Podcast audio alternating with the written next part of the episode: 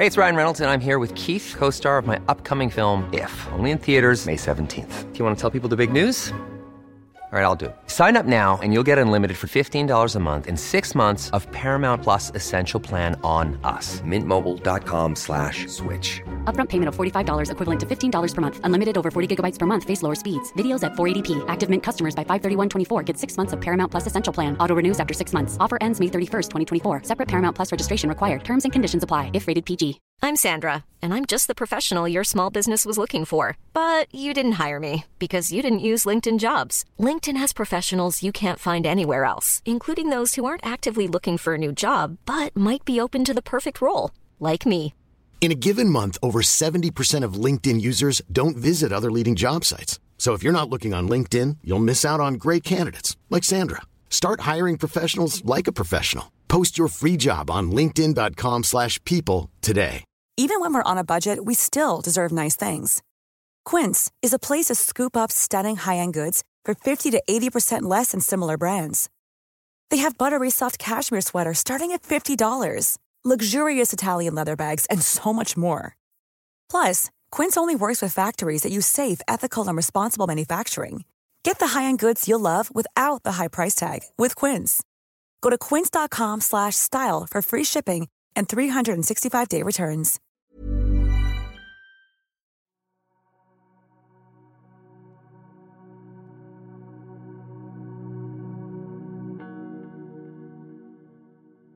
Hei. Aller først, takk for at du er med fortsatt. Vi har nå klar en liten bonusserie på tre episoder. Vi kommer til å lansere en episode hver tirsdag, som vanlig.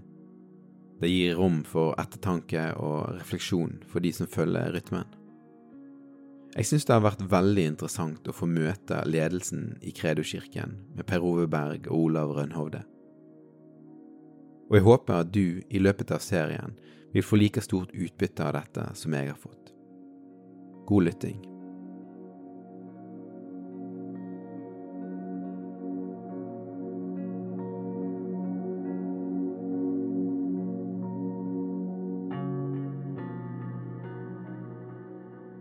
I denne podkastserien har vi gått sammen gjennom Norges mest dramatiske menighetshistorie, fortellingen om levende ord.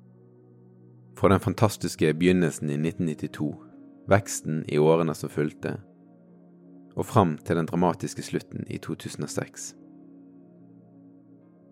Og vi har for det meste snakka med mennesker som forlot menigheten Levenor, enten før, midt i eller litt etter den store krisen i 2006 som førte til at hovedpastoren, den nå avdøde Enevald Flåten, måtte gå.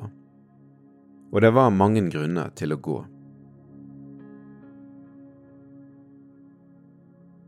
Min kollega Øystein Lid, som sjøl var en del av Levende Ord, spissformulerte vel sine grunner aller klarest i sin kronikk på dagen.no, når han sa at den menigheten han elska, fantes ikke lenger.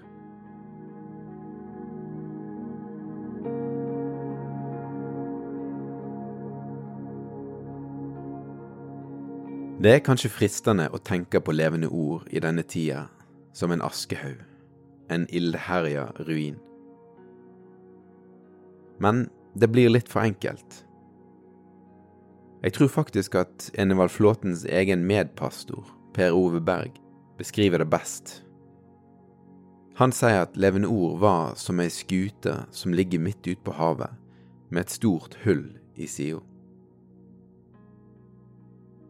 Det er ikke snakk om å tenke på hvor skuta skal. Det er bare snakk om å pumpe vann for harde livet og gjøre alt for å reparere hullet med det en har tilgjengelig. Olav Rønhovde og Per Ove Berg ble værende om bord, og de leder i dag menigheten som har skifta navn til Kredokirken.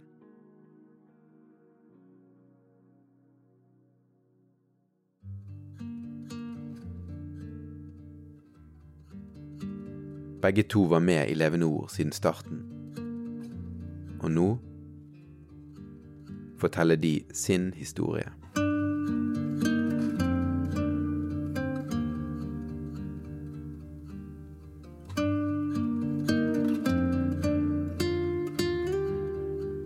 Gjennom en miniserie på tre bonusepisoder så skal du få høre deres historie, og vi går òg inn på hva som skjedde etter 2006.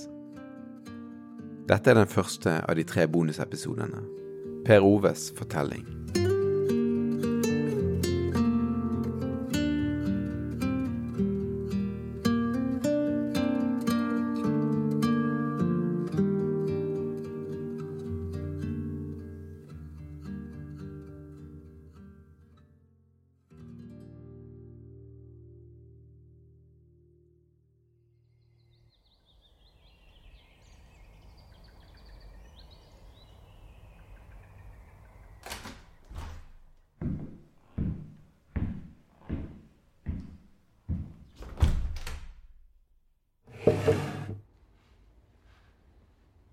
Vi sitter i industribygget på Øvre Kråkenes, som i 14 stormfulle år rommer Enevald Flåtens ildfylte menighetsprosjekt.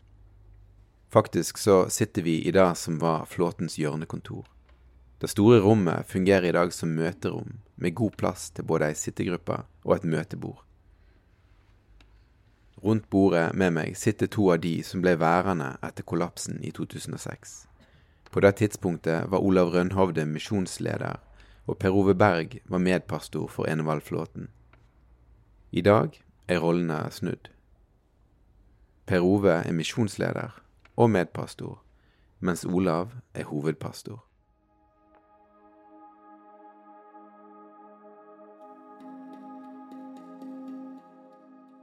Og hvis du har fulgt godt med, så veit du at jeg har hatt lyst til å snakke med disse to lenge. Og kanskje har du som kjenner historien godt, tenkt på at det ville være interessant å høre deres historie. Olav og Per Ove fortalte tidlig at de ikke ønsker å delta i podkasten, fordi de allerede hadde brukt masse energi på denne historien. Og jeg tror at det er trygt å si at de ikke gleder seg til at historien skulle bli lufta i en podkastserie. Og jeg har aldri hatt problem med å forstå dem. De forteller meg at eh, de dessuten ikke var komfortabel med å være med i en podkastserie som ga inntrykk av at det hele var over i 2006. Og igjen, full forståelse fra min side. For de var det ikke over i 2006, da Enevald Flåten forlot menighetslokalet med neseblodet rennende. Det var ikke over i 2007, når Flåtens arbeidsforhold ble endelig avsluttet. Det var heller ikke over i 2008, når menigheten etter en lang seigpining sto på randen av konkurs. Og det var heller ikke over i 2009, når menigheten skifta navn fra Levende Ord til Kredokirken.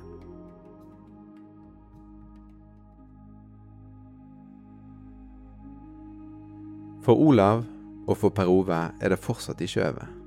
I dag står de sammen, men Historiene deres fram til 2006 er mye mer forskjellig enn jeg tror de fleste innser. Derfor skal vi ta historiene deres i hver sin episode, før vi går sammen gjennom krisa og tida etterpå i en tredje episode.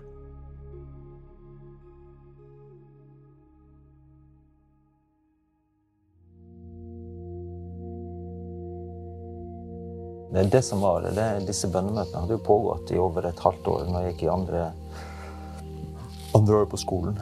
Eh, så og Jeg visste ikke at Envald var i samme klasse som meg. Jeg har aldri snakka med han. Kjente han ikke i det hele tatt. For meg har det vært så interessant å høre Per Ove og Olavs historie at jeg gjerne vil dele den med deg. Det betyr at vi i de to første episodene tar oss tid til å dra tilbake i tid og høre noe av den historien som vi har vært gjennom, slik de opplevde den. Vi går ikke inn alle dører som vi har vært før, men noen skal vi ta oss tid til. Det du hørte nå, var Per Ove Berg, som ser tilbake til starten av 90-tallet, da han og kona var på Livets Ord bibelskole i Uppsala i Sverige. Du husker kanskje Ulf Ekmanns menighet, som på alle måter var så viktig for å sette fyr på trosmenigheter rundt om i Norge. Enevald Flåten gikk på bibelskole her på 80-tallet, og kom tilbake skoleåret 91-92 samtidig med at Per Ove gikk andreåret. Flåten leder jo på dette tidspunktet menigheten Jæren kristne senter. Men han hadde begynt å tenke på å starte menighet i Bergen. Han hadde fått lov av Ekman å arrangere Bønn for Norge, et fast bønnemøte som samla en del av de mange nordmennene som gikk på bibelskolen i denne tida. Men så var det på vinteren der Nå snakker vi om 1992, da, hvor noen inviterte meg til en sånn søndagskveld med bønn for Norge. Og da for første gang la jeg merke til Enevald, for han leder da det bønnemøtet. Og midt i den folkemengden og han leder an, så eh, uten at vi sa et ord, så var det akkurat som vi merka at her er det her er det en slags kobling. da. Så da snakka vi sammen neste dag på bibelskolen. Og så kom han og hjem til oss, delte visjonen om å flytte til Bergen. Dette øyeblikket er Per Oves vei inn til levende ord. Men det er noen øyeblikk før dette her som jeg tror blir like definerende for livsveien til mannen som i dag er misjonsleder i Kredo-kirken, og som befinner seg i Irak i dag jeg skriver disse ordene inn i manuset. Etter oppveksten i Den norske kirka følte Per Ove seg revet mellom ønsket om å ta vare på trua og å feste med venner. En fot på ungdomsklubben og en på diskoteket, som han sier det. Men så skjer det noe. Da jeg var 16 15 år, så hadde jeg en sånn dramatisk opplevelse. Erfaring som endra hele livet mitt. I Bodø domkirke av alle steder. Møte med eh, Guds, Den hellige ånd, Guds kraft, Guds ild. Og veldig sånn Jeg ante ikke at det eksisterte noe sånt. Der på en kveldsgudstjeneste i Bodø domkirke fikk Per Ove en ny lyst til å lese Bibelen. Bibelen begynte å gi mening for han. Langt der oppe i nord begynte det å skje noe av det som vi har snakka så masse om i denne podkasten. Forbønn med fortellinger om helbredelse, kunnskapsord, en opplevelse av å bli leda av Gud. Jeg visste ikke om noen som talte i tunger. Det var helt fremmed. ikke sant? Men eh, så gikk det seks måneder, og så gjorde jeg bekjentskap med det. Så det var en helt ny verden som åpna seg opp. Per Ove forteller at han slukte alt han kom over av litteratur i denne tida. Han fortsatte imidlertid med sin store lidenskap, fotball. Men igjen skulle det skje noe som endra retningen. Han sleit med en kneskade, og han var til stede på et møte med en svensk helbredelsespredikant. Ja, det var jo det opp til eh, 17-18-årsalderen. Så var det det. Men eh, jeg ble skada og opplevde egentlig at jeg ble Det var en sånn valg. Fikk bekrefta det at jeg skulle gå en annen vei. Eh, og ja, et misjonskall, egentlig, som begynte å, å våkne til live, da. Du ble bedt for på et tidspunkt? Ikke helt sånn, men det var en type helbredelsespredikant som kom til Bodø. Jeg tror vi var nærmere 50 stykker hvis jeg husker rett, som satt på rekke og rad. Han ba for den ene og andre. Og mange opplevde jo ikke sant, eh, ting. Og så eh, hadde jeg en dialog med Herren på innsiden. Og så sa jeg hvis det er sånn at du ikke ønsker jeg skal satse på fotball så må du gjøre det sånn når han kommer til meg, så får han ikke til å be for meg. Så når han kom til meg og skulle begynne å be, så stopper han plutselig opp og så sier han, du Herren gir meg ikke lov å be for deg. Så da tok jeg det som en et veldig tydelig tegn på at eh, det var en annen vei.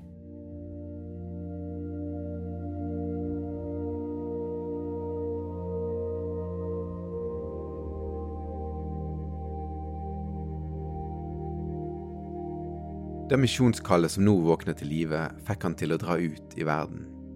Han dro til Fiji-øyene og senere til Brasil, der han var med på å starte menigheter i et slumområde i storbyen Belo Horizonte. Masse læring. Så senere, når jeg studerte teologi og sånn, så ga det mening, alt det jeg hadde opplevd på misjonsfeltet.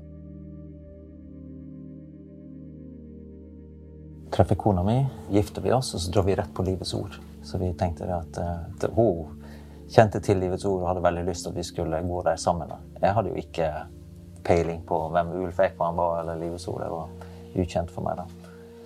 Men uh, lydig som jeg er, så følger jeg jo koden. Nei,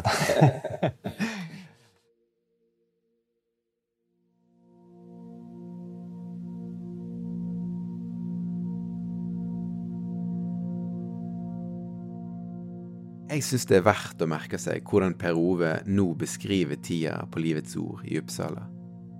Det er selvfølgelig her han og andre blir kjent med den særprega formen for åndelig språk og oppførsel på plattformen som vi neppe finner masse av i dag. Men det er noe av det han sier om undervisningen om rettferdigheten i Kristus, det å være frelst av nåde ved tru. Det kjenner jeg igjen fra det som en del har kalt gullet i trosbevegelsen. Jeg elsker jo det. ikke sant? De var, de, de var offensive. Ulf Ekman og hele gjengen der var veldig djerve og offensive. og Det bare til, tiltalte meg sånn. Kjente det jo igjen fra, fra Misjonsmarken. Og møte med på en måte en fremmed kultur, møte med en åndeverden også. ikke sant? Vi møtte jo mye på denne spiritisme og alt mulig sånn. Og, i, og hvordan en håndterte det. Så det var veldig mye læring da. Så ga det mening. Denne undervisningen på en måte knøyt tingene sammen. Ja, det var en systematisk ikke sant, eh, undervisning, og, og også dette med lederskap, eh, lederutvikling og sånn. Så er det, jo, det er jo heftig, da. Ja, jeg opplevde det. Og det er jo ikke å gi opp, liksom. Selv om det var jo mye motstand altså mot Livets Ord og den offensiviteten på misjonen sånn, det, det bare trigga meg. Det var jo også når Sovjetunionen ikke sant, kollapset, da man liksom Det åpna seg opp en helt felt av nytt territorium.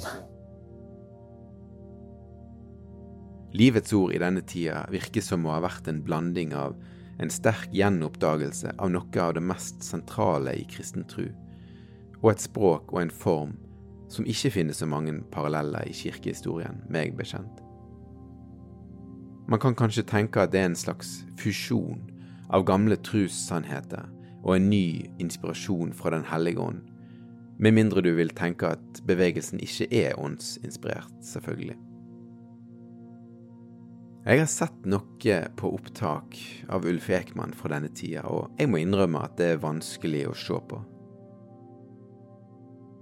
Det framstår som en blanding av eh, hemningsløs galskap og en orkestrert eh, Jeg vet ikke, jeg finner ikke ordet engang. Og jeg har mange ganger forsøkt å plukke det fra hverandre i tankene, og skille delene fra hverandre. Legge de i ryddige bunker og forklare deg hva som er hva. Skille klinten fra hveten. Men vi har vært borti det før, det er ikke nødvendigvis alltid like enkelt.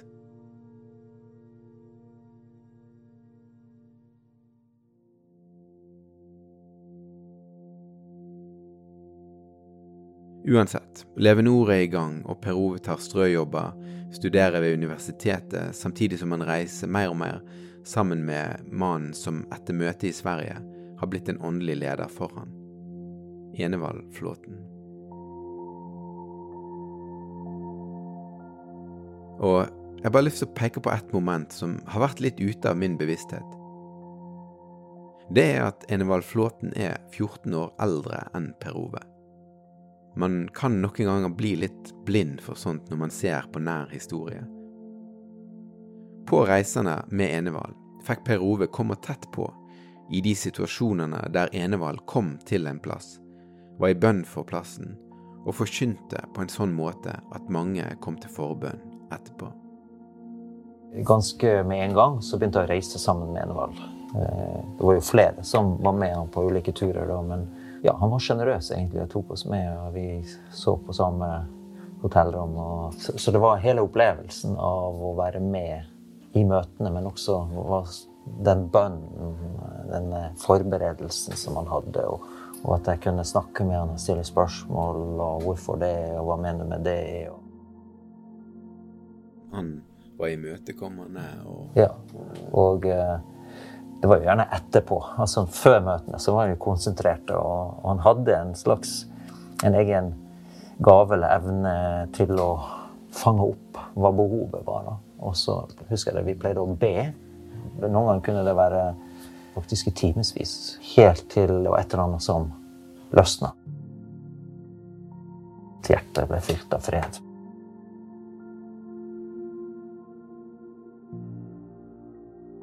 Og da minnes jeg vi kunne gå på møte, og det var en sånn åpenhet. Andre ganger så var det at han ja, La oss si det kunne oppleves litt sånn trått eller eh, i en eh, møte, men han, han gikk på og forkynte og proklamerte. Og så veldig ofte, nesten konsekvent, altså, så endra Akkurat som atmosfæren endra seg. Man, det var helt håndgripelig. Og så begynte da disse nådegaveutrustningen å, å virke. Da var det ofte folk eh, virkelig fikk eh, noe fra Gud. ikke sant? Og de knakk sammen i gråt. Og, altså det ble sånne sjelsettende øyeblikk for mange. Så jeg lærte veldig mye av ham. Jeg husker at Jan Helge Hindenes fortalte at flåtens måte å arbeide på var såpass innfallsorientert eller impulsiv at de som var rundt han, ofte kunne få kasta oppgaver på seg i siste liten. Det hører vi igjen hos Per Ove.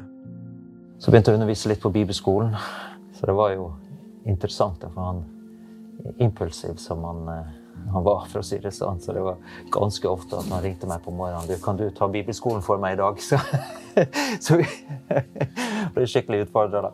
Så jeg lærte meg jo taktikken med å ha en del undervisning eh, klar, liksom, for jeg visste at den telefonen kom. da. Men kunne det virke overveldende? Av og til så gjorde det jo det, men uh, det gikk nå på. Jeg frist mot, og det, det gikk jo stort sett bra, da. Det var gøy? Det var det. På den tiden. Det var jo seinere, så måtte jeg jo si fra til han at uh, nå må vi planlegge bedre her. Ja. at, uh, så jeg måtte sette litt grenser etter hvert. Så forteller Per Ove meg at han på dette tidspunktet kjenner seg leder til å dra til det amerikanske universitetet, Oral Roberts. Det ligger i Tulsa, Oklahoma. Oral Roberts var en trosforkynner, en frontfigur for den såkalte Word of Faith-bevegelsen, som er en um, inspirasjon til trosbevegelsen, eller kanskje det er det som er trosbevegelsen. Og universitetet, som er oppkalt etter han, ble starta på det han forteller er en direkte tiltale fra Gud. Så det at Levende Ord skulle starte universitet, som vi har hørt om, var ikke henta helt ut av det blå. Sjøl om jordsmonnet og rammebetingelsene vel var bedre i Oklahoma enn i Hordaland. Men etter et par år kommer Per Ove og familien tilbake i 2001. Og dette her er jo midt i perioden, eller i starten av perioden, der noe endrer seg i Levende Ord, ifølge en del. Så jeg var interessert i om Per Ove merka en forskjell når han kom tilbake. Nei, det, det, det, hadde skjedd så mye mens jeg var borte òg. Og det var fremdeles eh, oppdrift, egentlig. Det er klart Man er jo ung og uerfaren i det å stå i en, en menighetsledelse. Det er en ting å reise rundt, men det er noe annet når du får ansvar for mange mennesker og forskjellige avdelinger. Så, så det var jo krevende. Jeg ser jo det i dag, at, at det, var, det var en bratt læringskurve. Og den ble veldig mye brattere når vi kom inn i den alvorlige krisen. Ja. Jeg merker at Per Ove begynner å snakke om noe som er tøft for han. Han snakker om denne perioden da han begynte å få mer ansvar, som krevende. Han var blitt invitert inn i rollen som medpastor av flåten sjøl, litt mot sin egen oppfatning av sin egen utrustning. Og nå sto han midt i et stadig mer krevende arbeidshverdag, der forholdet til hans åndelige mentor, Enevald Flåten, blei stadig mer vanskelig å håndtere. Men det var et stort og omfattende arbeid. Veldig intenst. Voldsomt intenst.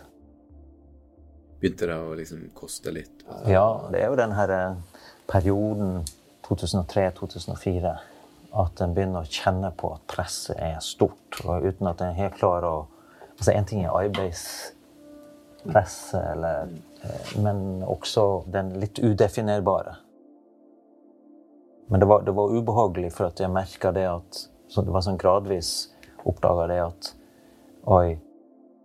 Jeg fikk en avstand på innsiden.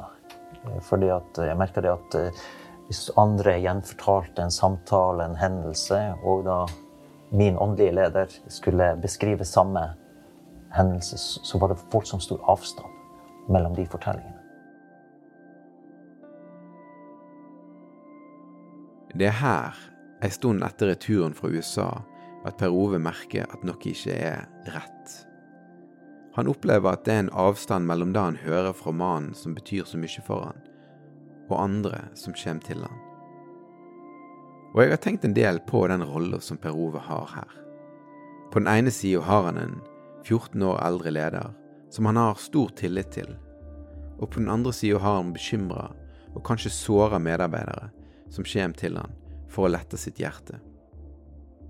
Og, eh, og, da vil man jo gjerne tro på sin egen leder og, og den versjonen. Og, men det ble mye, mye ekstrasamtaler, mye ting som måtte ordnes opp. Misforståelser.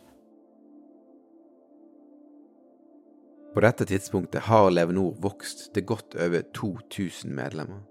Flåten står fram i mediene som verdens mest energiske mann.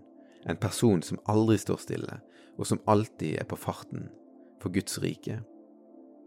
Men medarbeiderne veit at det ikke er hele bildet. Kollapsen på Sørlandet tidlig på 2000-tallet blir en dramatisk vekker. Og så var det jo da ble det jo satt i gang. ikke sant? Han hadde jo sitt uh, sammenbrudd og sånn. Og så, uh, så ble det satt i gang interne prosesser for å fordele ansvar og ta mye av arbeidsbyrden bort fra han osv.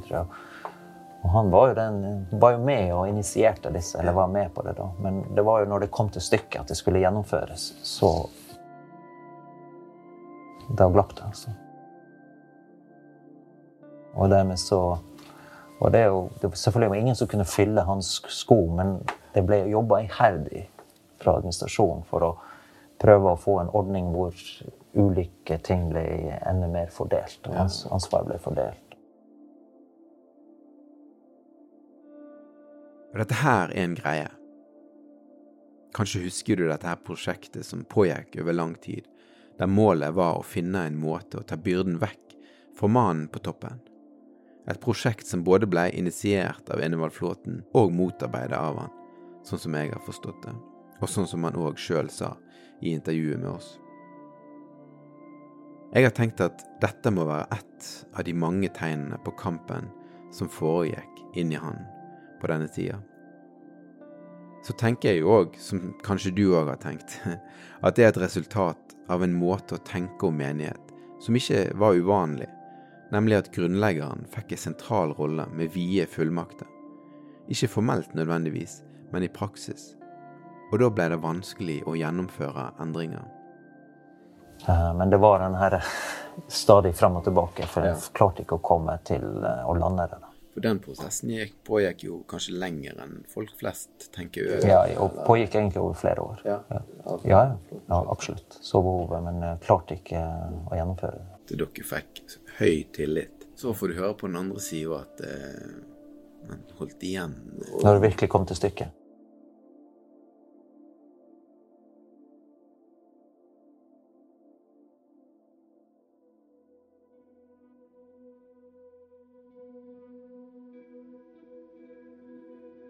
Vi nærmer oss kriseåret 2005-2006. For Per Ove sin del begynner den indre spenningen og usikkerheten å koste. Jeg begynte virkelig å kjenne det på kroppen i 2004 og fremover. Og da begynte jo også økonomien å ryste her. Men jeg klarte ikke å sette navn på hva er det for noen ting.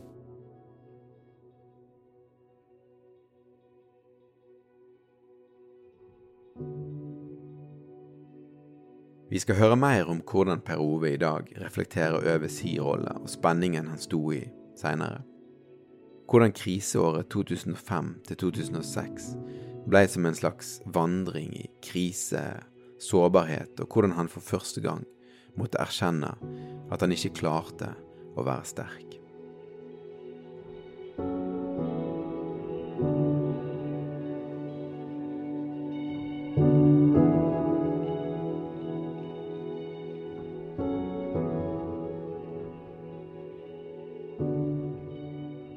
Men i neste episode snur vi oss til Olav Rønhovde og får høre historien til mannen som overtok stolen etter Enevaldflåten.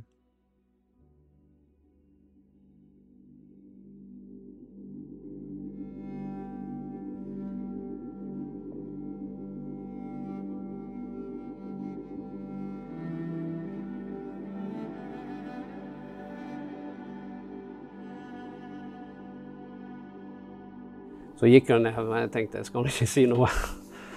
Men i det møtet så er det mye som blir sagt som er ganske tøft. Og, og til slutt så eh, reiser jeg meg og så stiller jeg spørsmålstegn.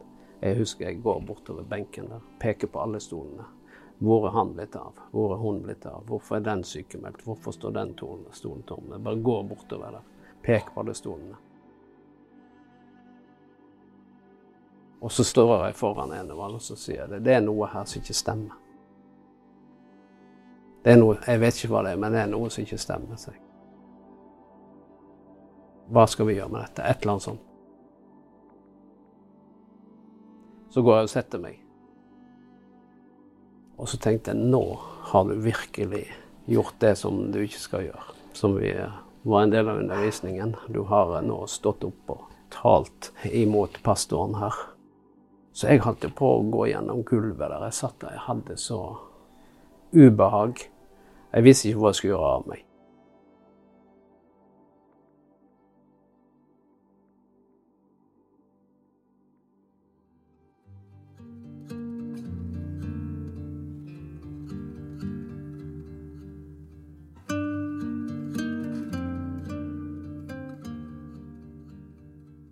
Har lyttet til en bonusepisode av podkasten Levende ords vekst og fall, en podkast fra dagen. Idé- og reportasjeledelse Vebjørn Selbekk. Klipp og lyddesign Miriam Kirkholm. Grafikk og sosiale medier ved Simon Sætren. Foto, lyd og video under opptakene i Kredokirken. Journalist Herman Fransen. Konsulent Christian Mastrande fra Lyder Produksjoner. Jeg er Eivind Algerøy.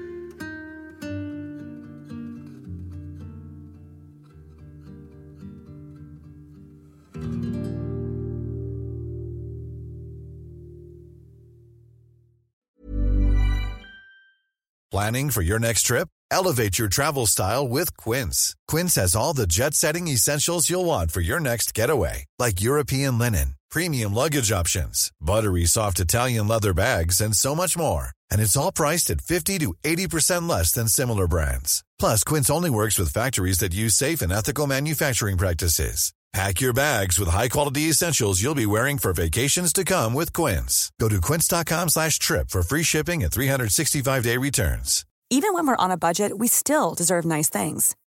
Quince is a place to scoop up stunning high-end goods for 50 to 80% less than similar brands. They have buttery soft cashmere sweaters starting at $50, luxurious Italian leather bags, and so much more. Plus, Quince only works with factories that use safe, ethical, and responsible manufacturing. Get the high-end goods you'll love without the high price tag with Quince. Go to quince.com slash style for free shipping and 365-day returns.